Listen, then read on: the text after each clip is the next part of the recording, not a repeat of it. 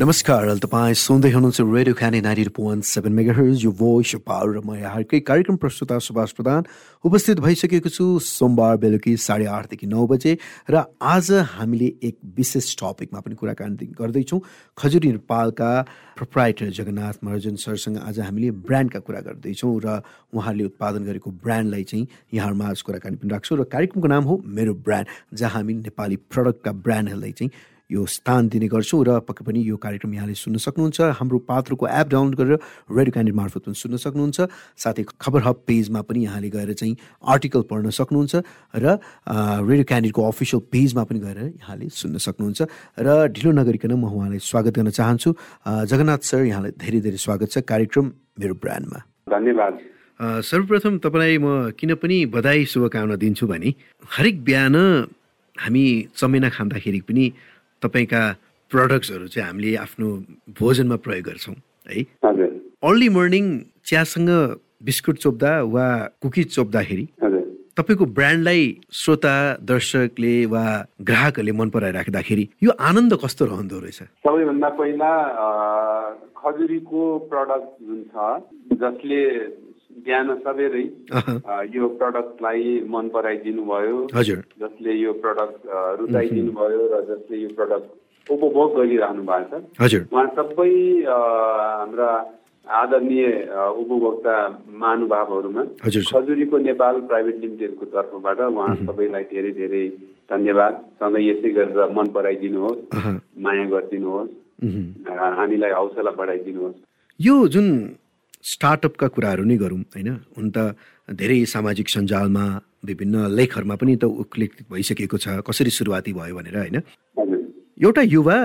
जसले नेपालमै बसेर केही गर्नुपर्छ नेपाल भनेको मेरो मातृभूमि हो म यहाँ चाहिँ केही आफ्नो व्यवसाय गर्छु भन्ने यो खालको जुन एउटा युवामा हुने एउटा सोच चाहिँ कसरी आइपुग्यो हजुरमा अ, यस्तो छ अ, यो अहिलेको परिवेश र जुन बेला हामीले बिजनेस सुरु गऱ्यौँ नि अह,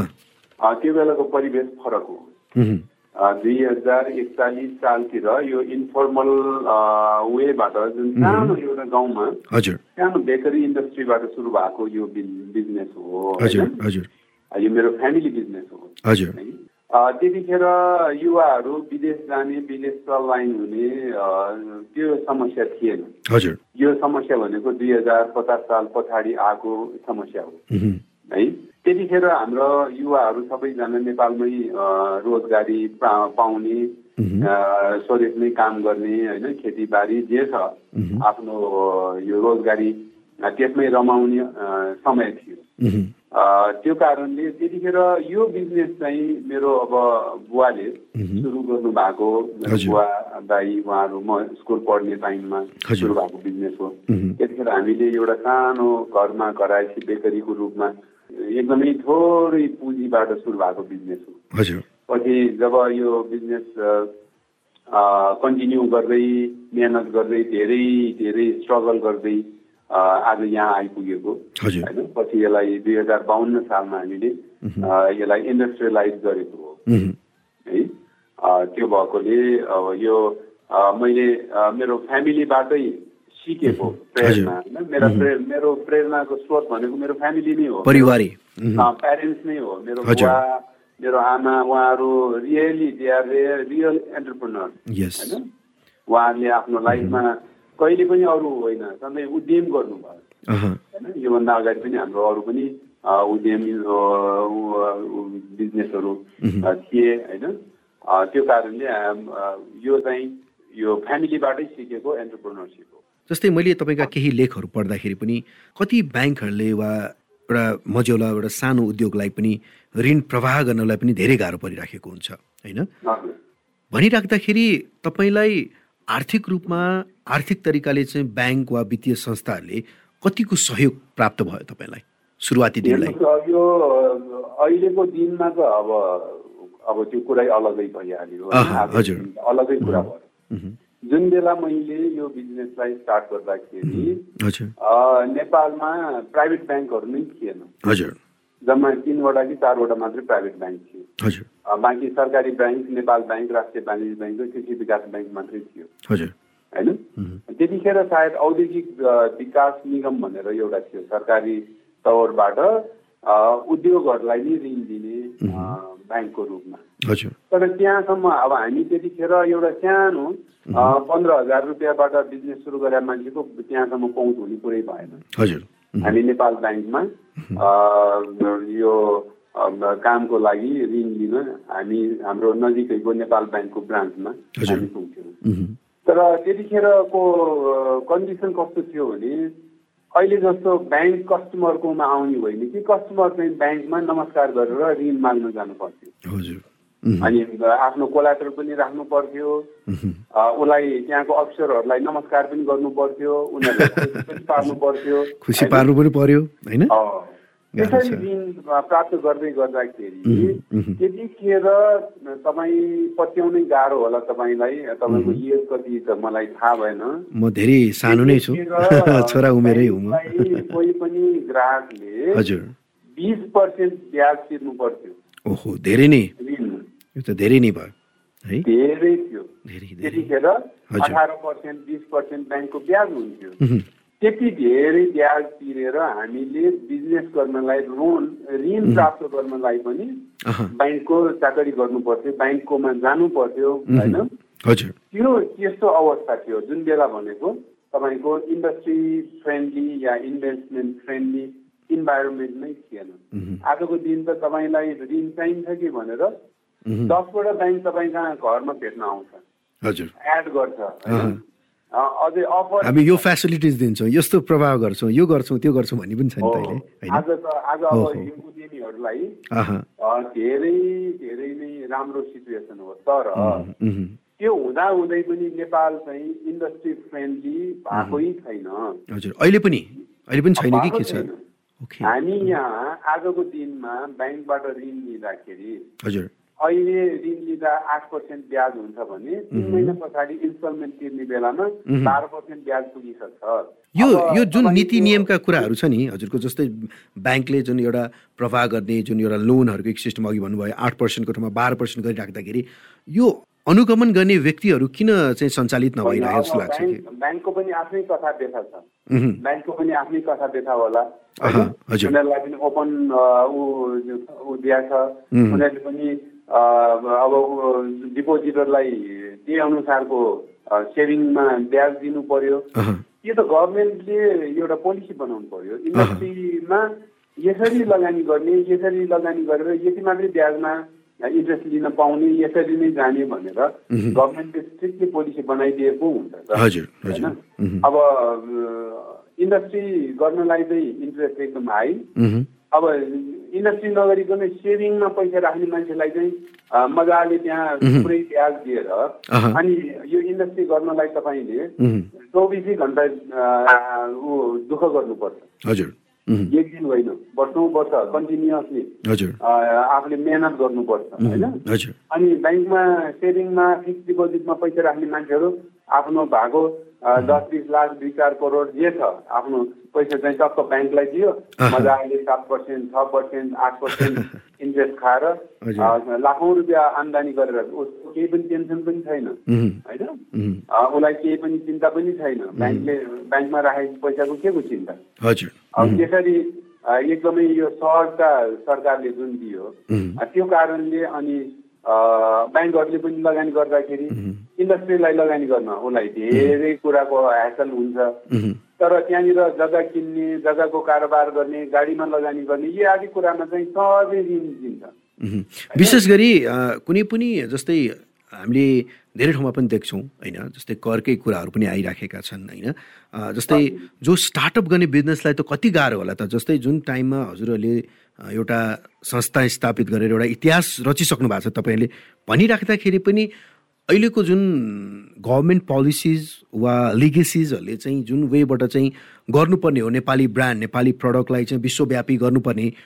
माध्यमको ठाउँ नबनिकन एउटा कमिसनको आधारमा पनि त बसिराखेको देखियो त होइन र अब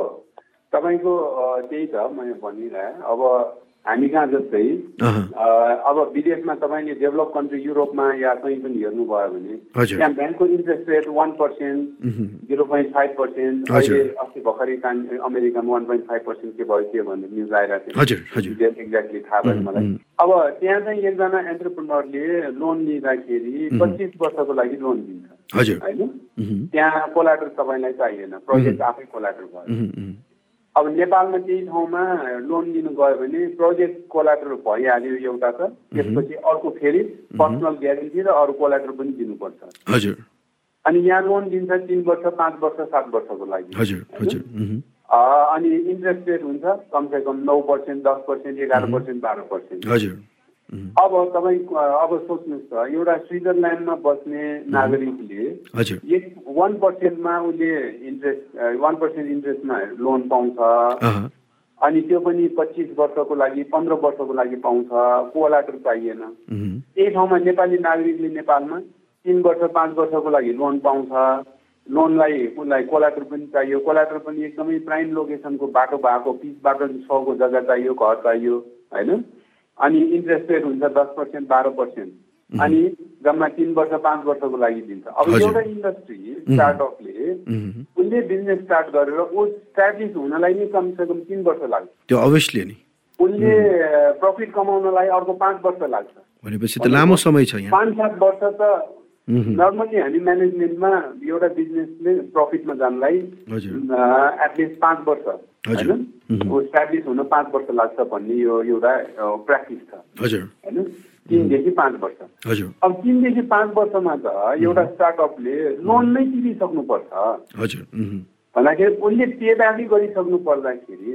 अब उसले प्रफिटै कमाएको छैन त कसरी पेब्याक गर्छ पक्कै पनि होइन अब त्यो हुँदाखेरि त हामी कहाँ स्टार्टअपहरू त सस्टेन हुन सक्ने इन्भाइरोमेन्ट नै बनेन मह्म,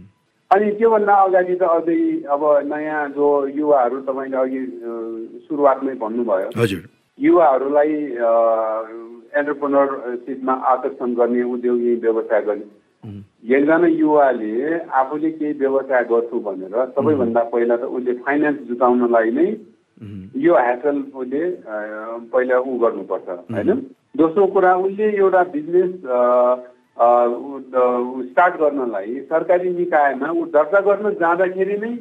ऊ त्यहीँबाटै ह्यारेस भएर फर्किन्छ पक्कै पनि हो हामी कहाँ एउटा बिजनेस दर्ता गर्नलाई मह्म। दस ठाउँमा दर्ता गर्नुपर्छ हो। तपाईँले एउटा उद्योग फुड इन्डस्ट्री दर्ता गर्नु पर्यो भने सबैभन्दा पहिला नगरपालिका जानु पर्यो त्योभन्दा अगाडि वडामा जानु पर्यो नगरपालिका जानु पर्यो त्यसपछि घरेलु तथा साना उद्योगमा जानु पर्यो त्यसपछि खाद्य प्रविधिमा जानु पर्यो गुणस्तरमा जानु पर्यो टेस्ट गर्नु पर्यो होइन दस ठाउँमा दर्ता गर्नु जानु पर्यो हरेक ठाउँमा उसले कहीँ न कहीँ धक्का खाएकै हुन्छ र कतै न कतै चाहिँ एउटा कमिसनको खेल पनि भइराख्दाखेरि चाहिँ अ, अब हामी- उसलाई हतोत्साहित भइसकेको हुन्छ त्यसरी चाहिँ नभनौँ अब यो अ, अ, उसबाट होइन मह्म, तर उसले त्यहाँनिर दस थरीको ऊ अ, धक्का खाएर मात्रै अ, उसले फेरि एउटा बिजनेस त्यो रेजिस्टर गर्न ऊ सक्सेस हुन्छ अहँ, त्यसमा पनि त्यहाँको क्राइटेरिया कति धेरै छ अहिले फेरि यो आइई इन्भाइरोमेन्ट एसेसमेन्ट गर्ने कुराहरू मह्म, एउटा इन्डस्ट्री सानो इन्डस्ट्री खोल्नलाई पनि दु- दुनियाँ प्रक्रियागत झन्झटहरू छ हजुर होइन? मह्म, सुरुवातमै उसले त्यो झन्झट बिहोर्नु अब उसले त्यो रेजिस्ट गर्न सक्यो भने ट्याकल गर्न सक्यो भने ऊ एन्टरप्रेनर बन्न अगाडि बढ्छ हजुर अब धेरै मान्छे त त्यहीबाट ह्यारेस गरी फर्किन्छ हो मह्म, कमसेकम स्टार्टअप बिजनेसहरू या कुनै पनि उद्योगलाई खोल्ने भनेपछि सिधा वान डोर पोलिसीमा एक ठाउँमा एप्लाई गरेपछि त्यो सबै रेजिस्ट्रेसन दस ठाउँ होस् कि बिस ठाउँ होस् हजुर त्यो वान डोर वान विन्डोबाटै एउटा सिस्टम बनाइदिनु पर्यो नि सरकारले होइन एउटा- सरकारले त्यो सिस्टम नबनाइदिँदाखेरि हजुर। यहाँ कुनै पनि इन्डस्ट्रीहरू अ, अ, यहाँ नयाँ अ, यो के यङ्स्टरहरू बिजनेसमा इन्डस्ट्रीमा आउने वातावरण नै बनेन हजुर मह्म, होइन अब त्यो नबन्दाखेरि त हामी कहाँ अनि युवाहरूले के गर्ने भन्दाखेरि जागिर खानु पर्यो मह्म, होइन रोजगारीको लागि त्यसमा पनि राम्रो रोजगारी कहाँ खोज्ने भन्दाखेरि नेपालमा राम्रो ठुला ठुला इन्डस्ट्री नै छैन मह्म, र रोजगारी नै छैन अवसर अनि विदेश जानु पर्यो मह्म, अब अलि ट्यालेन्ट मान्छे युरोप जाला सिङ्गापुर जाला अमेरिका जाला त्योभन्दा अलि कमसल मान्छे त खाडी जाने बाँकी उपाय नै रहेन नि हो। त भनेपछि राष्ट्रले एउटा जुन हिसाबले एउटा मार्गदर्शन गर्नुपर्ने हो उद्योगलाई होइन उद्योग उद्योग भइरहेको छ तर उद्योग उद्- उद्योग बन्न सकिरहेको छैन भन्नुभयो तपाईँले अँ, होइन छैन। जस्तै अ, हामी जस्तै हजुरसँग कुरा गर्दा योभन्दा अगाडि पनि हाम्रा धेरै अग्र व्यक्तिहरूसँग कुराकानी गर्दाखेरि पनि उहाँले के भन्नुभयो भने सरकारको नीति नियम जुन गर्नुपर्छ एउटा मजौला होस् वा ठुला बडा होस् होइन यो जुन समन्त हिसाबले चाहिँ जुन नियम कानुन लाग्नुपर्ने हो त्यो लागिरहेको छैन होइन जुन प्रोत्साहन गर्नुपर्ने त्यो पनि भइरहेको छैन भनिराख्दाखेरि तपाईँ आफै एउटा स्ट्याब्लिस व्यवसायी भइराख्दाखेरि हामी कहाँ चुकिरहेछौँ गभर्मेन्ट सेक्टर कहाँ चुकिरहेछ जस्तै तपाईँले कुनै पनि एडभाइजै दिँदाखेरि हामी यहाँबाट चाहिँ चुकिरहेछौँ है हामीले नेपाली ब्रान्ड र प्रडक्टलाई चाहिँ हामीले यो यो कारण चाहिँ हाम्रो अन्तर्राष्ट्रिय बजारसम्म जान सकेको छैन यो चिजले हामी होल्ड भइरहेको जस्तो लाग्छ तपाईँको विचारमा सबै सबैभन्दा पहिला नेपालले हामी नेपालीले अ, सबैभन्दा ठुलो उपलब्धि भनेको राजनैतिक स्वतन्त्रताको उपलब्धि गऱ्यौँ हजुर नेपालमा छयालिस साल पछाडि अहँ, हामीलाई जब प्रजातन्त्र अ, पुनर्बहाली भनेर हजुर भयो उहुँ, त्यसपछि नेपालीहरूले यति धेरै फ्रिडम पाए नि उहुँ, यो फ्रिडममा नेपालीले अ, के सिक्यो जस्तो लाग्छ भने मलाई मेहनत गर्न सिकेन उहुँ, मेहनतको ठाउँमा मेहनत नगर्ने काम सिक्यो अनि अर्को कुरा नेपालमा सबैभन्दा पहिला राजनीतिक जब क्रान्ति सफल भयो राजनीतिक क्रान्ति सफल भएर जब देशले प्रजातान्त्रिक देशमा परिणत भइसकेपछि उहुँ, अब त्यहाँनिर त्यसलाई त्यहीँनिर रोकेर अब आर्थिक क्रान्तितिर लाग्नु पर्थ्यो नि देशले उहुँ, आर्थिक क्रान्ति हो। उहुँ, कुनै पनि देशले राजनीतिक क्रान्ति पछाडि आर्थिक क्रान्ति गर्न सक्नुपर्छ पक्कै पनि तपाईँले हजुर जर्मनलाई हेर्नुभयो भने उहुँ, उसले सेकेन्ड वर्ल्ड वारपछि आर्थिक क्रान्ति गरे कुनै पनि देशले अ, राजनीतिक अ, यो यो ऊ पछाडि हजुर अ, अ, आर्थिक क्रान्ति गर्न सकेन भने त्यो देश अस्थिर हुन्छ हजुर त्यो देश अगाडि बढ्न सक्दैन र युवा पलायन पलायन हुने स्वाभाविक हो हजुर होइन त्यो कारणले नेपालले दुई हजार छयालिस साल पछाडि जब प्रजातन्त्र पुनर्स्थापना भइसकेपछि अब चाहिँ अब हाम्रो पोलिटिकल एजेन्डा अब यति नै हो उहुँ, अब यसपछि चाहिँ अब हाम्रो इकोनोमिक एजेन्डामा चाहिँ अब हामीले काम गर्नुपर्छ भनेर हाम्रा अ, यो नेतृत्व वर्ग जुन पोलिटिकल लिडर्सले चाहिँ यो हजुर। कन्सेप्टमा अगाडि बढ्नु पर्थ्यो उहुँ, र त्यसको ठ्याक्कै उल्टो भएर छयालिस साल पछाडिको दिनमा तपाईँले हेर्दै जानुभयो भने नेपालका हजुर। ठुला ठुला उद्योग सबै बन्द भयो हो कारण किन त्यहाँ पोलिटिक्स घुसाइयो उहुँ, होइन त्यहाँ यति धेरै स्वतन्त्रता दिइयो यति धेरै त्यहाँनिर राजनीति गरियो कि राज्यले स्थापना गरेका नेपालका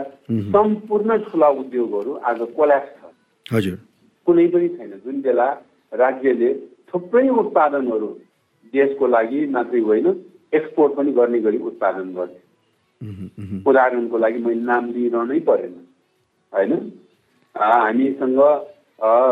गौरव गर्ने सक्ने उद्योगहरू सबै बन्द भएपछि हजुर त्यसको एउटै कारण के थियो भन्दाखेरि उहुँ, त्यहाँ धेरै तपाईँको राजनीति त्यो पनि युनियन ट्रेड युनियनको पोलिटिक्स धेरै भयो हजुर होइन अब कुनै पनि उद्योगमा तपाईँले अ, उत्पादनलाई प्रायोरिटी नदिकन उहुँ, म्यानेजमेन्टलाई प्रायोरिटी नदिकन इन्भेस्टरलाई प्रायोरिटी नदिकन खालि फ्रिडमको मात्रै कुरा गर्ने सुविधाको मात्रै कुरा गर्ने भएपछि हजुर कुनै पनि उद्योगले टिक्न सक्छ र उहुँ, त्यो त सक्दैन। सम्भवै छैन नि असम्भव थियो होइन हो। अब कुनै पनि देश आज चाइना हेर्नुहोस् तपाईँले उसले प्रडक्सनलाई फर्स्ट प्रायोरिटीमा राखेको भएर आज संसार भागेको छ उहुँ, हाम्रो छिमेकी मुलुक भारत हेर्नुहोस् कति प्रगति गरिरहेको छ हजुर, अहिले पछिल्लो हो। समय हो, हो। होइन नेपालमा कुनै पनि तपाईँले ठुला उद्योग कुनै आएको छ यो विगतको दस वर्षमा कहीँ पनि छैन सिमेन्ट र दण्डी बाहेक अहँ, कुनै पनि एउटै ठुलो उद्योग आएको छैन उहुँ, भएको उद्योगहरूमा पनि यति धेरै प्रब्लम छ उहुँ, अनि यसरी त हाम्रो अ, देश अगाडि बढ्दैन नि जब पक्कै पनि। यहाँ उद्योगै खुल्दैन हो तपाईँको आजभन्दा पचासौँ वर्ष अगाडि खुलेको औद्योगिक क्षेत्र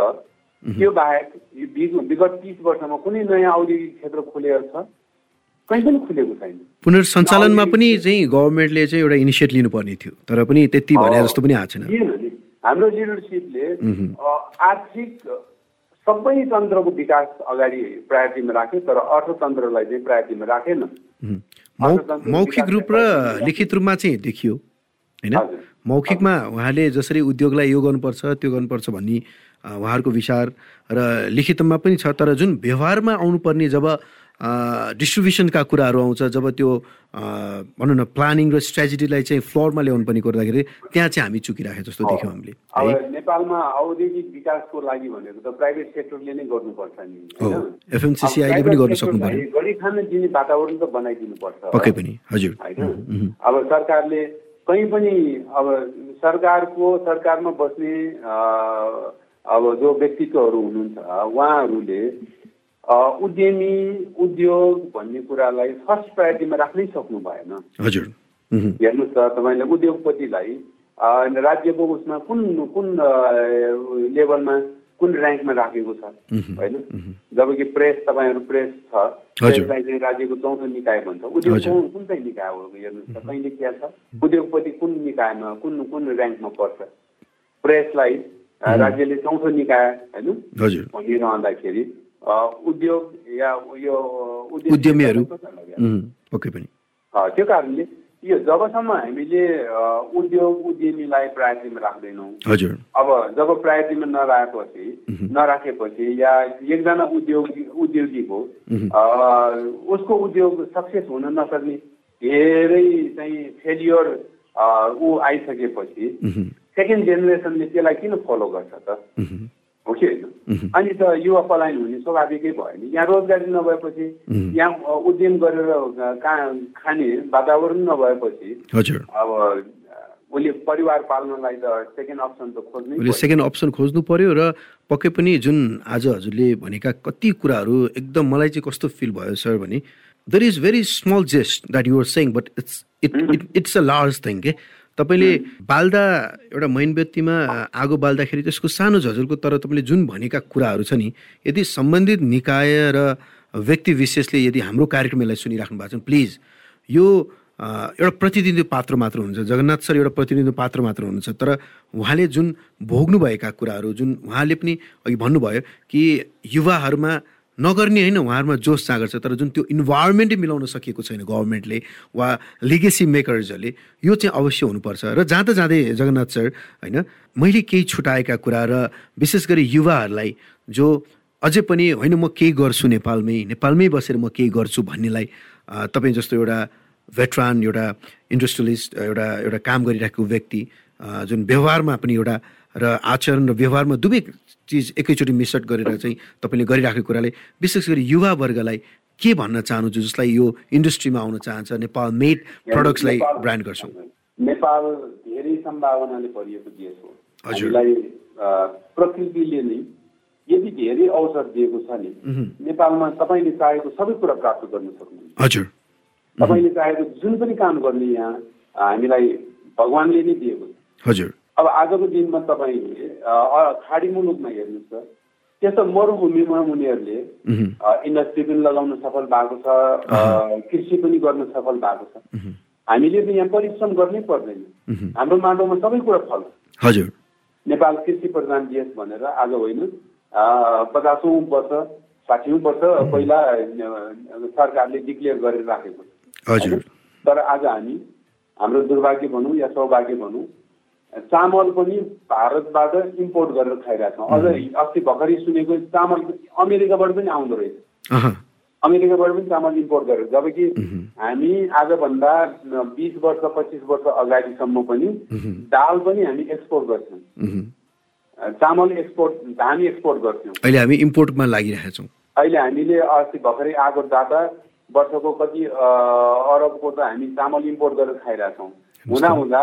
हामीले घिउचाको सङ्क्रान्तिमा खाने तरुल पनि इम्पोर्ट गरेर खान थालिसकेका छौँ उम्, भनेपछि हामीले आफ्नो मौलिकपनलाई बिर्सिन जाँदिरहेको छौँ भनेको देखियो जबकि तरुल भनेको पाहाडमा फल्ने चिज हो अहँ, त्यो पनि इन्डियाबाट इम्पोर्ट गर्न अ, गर्ने लेभलमा हामी पुगिसक्यौँ भनेपछि अहँ, अब हाम्रो यो ऊ चाहिँ कहाँसम्म पुग्यो भन्ने त्यसैले देखाउँछ म युवाहरूलाई के भन्छु भने हजुर यो देश भनेको अ, यहाँ सबै सम्भावना छ हजुर अहिले युवाहरूले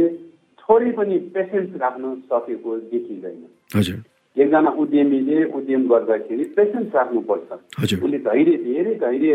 र परिश्रम गर्नुपर्छ हजुर सक्सेस भनेको अहिलेको अहिले आउने कुरा होइन हजुर सफल हुनु धेरै मिहिनेत गर्नु टेक्स टाइम होइन त्यो मिहिनेत गरेपछि मात्र सफलता प्राप्त हुन्छ त्यही भएर धैर्य गर्ने अ, साहस चाहिँ अ, उन- ओ, युवाहरूमा पनि हुनुपर्छ र युवाले एकजना युवाले विदेशमा जति नै उसले त्यहाँ अ, राम्रो आय आर्जन गरे पनि आखिर ऊ स्वदेशमै फर्केर आउनुपर्छ हजुर जब उसले आफ्नो युवा अवस्था आफूले सबै कुरा देशलाई दिन सक्ने बेलामा परिवार छोडेर विदेशमा बसेर उसले दुई चार करोड रुपियाँ पैसा कमाएर ल्याउँछ होला उम्, तर यहाँ जब ऊ अ, जब उसलाई बुढ्यौली छुँदाखेरि रिटायर लाइफमा नेपाल आएर बस्दाखेरि नेपालमा उसले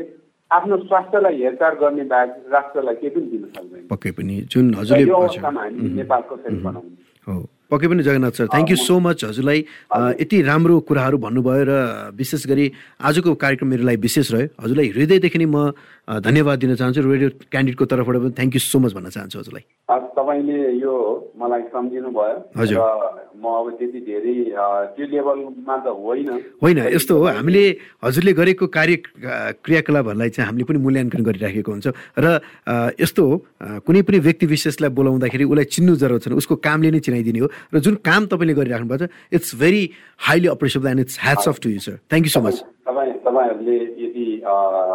जुन मूल्याङ्कन गरिदिनु भएकोमा हजुर। म मेरो सबै अ, म एक्लै होइन खजुरीको नेपालको इन्टायर टिमको तर्फबाट अ, तपाईँलाई धेरै धेरै आभार छ र सधैँ अ, यसै गरेर तपाईँहरूले नेपालमा युवाहरूलाई उद्यमी बनाउन प्रेरित गर्दै गर्दै गर्नुहोला हजुर अ, तपाईँहरू कहिले पनि नथाक्नु होला हजुर, हामी थाक्दैनौँ, सर। हजुर। कुनै न कुनै दिन हरेक घरमा हरेक एकजना कमसे कम एकजना हरेक घरको एकजना युवालाई चाहिँ उद्यमी बनाउने लक्ष्य लिनुपर्छ हजुर आज नभए पनि कुनै दिन हामीले देशमा औद्योगिक क्रान्ति गर्नुपर्छ नेपाललाई साँच्चै नै सगरमाथा जस्तै उठाउनुपर्छ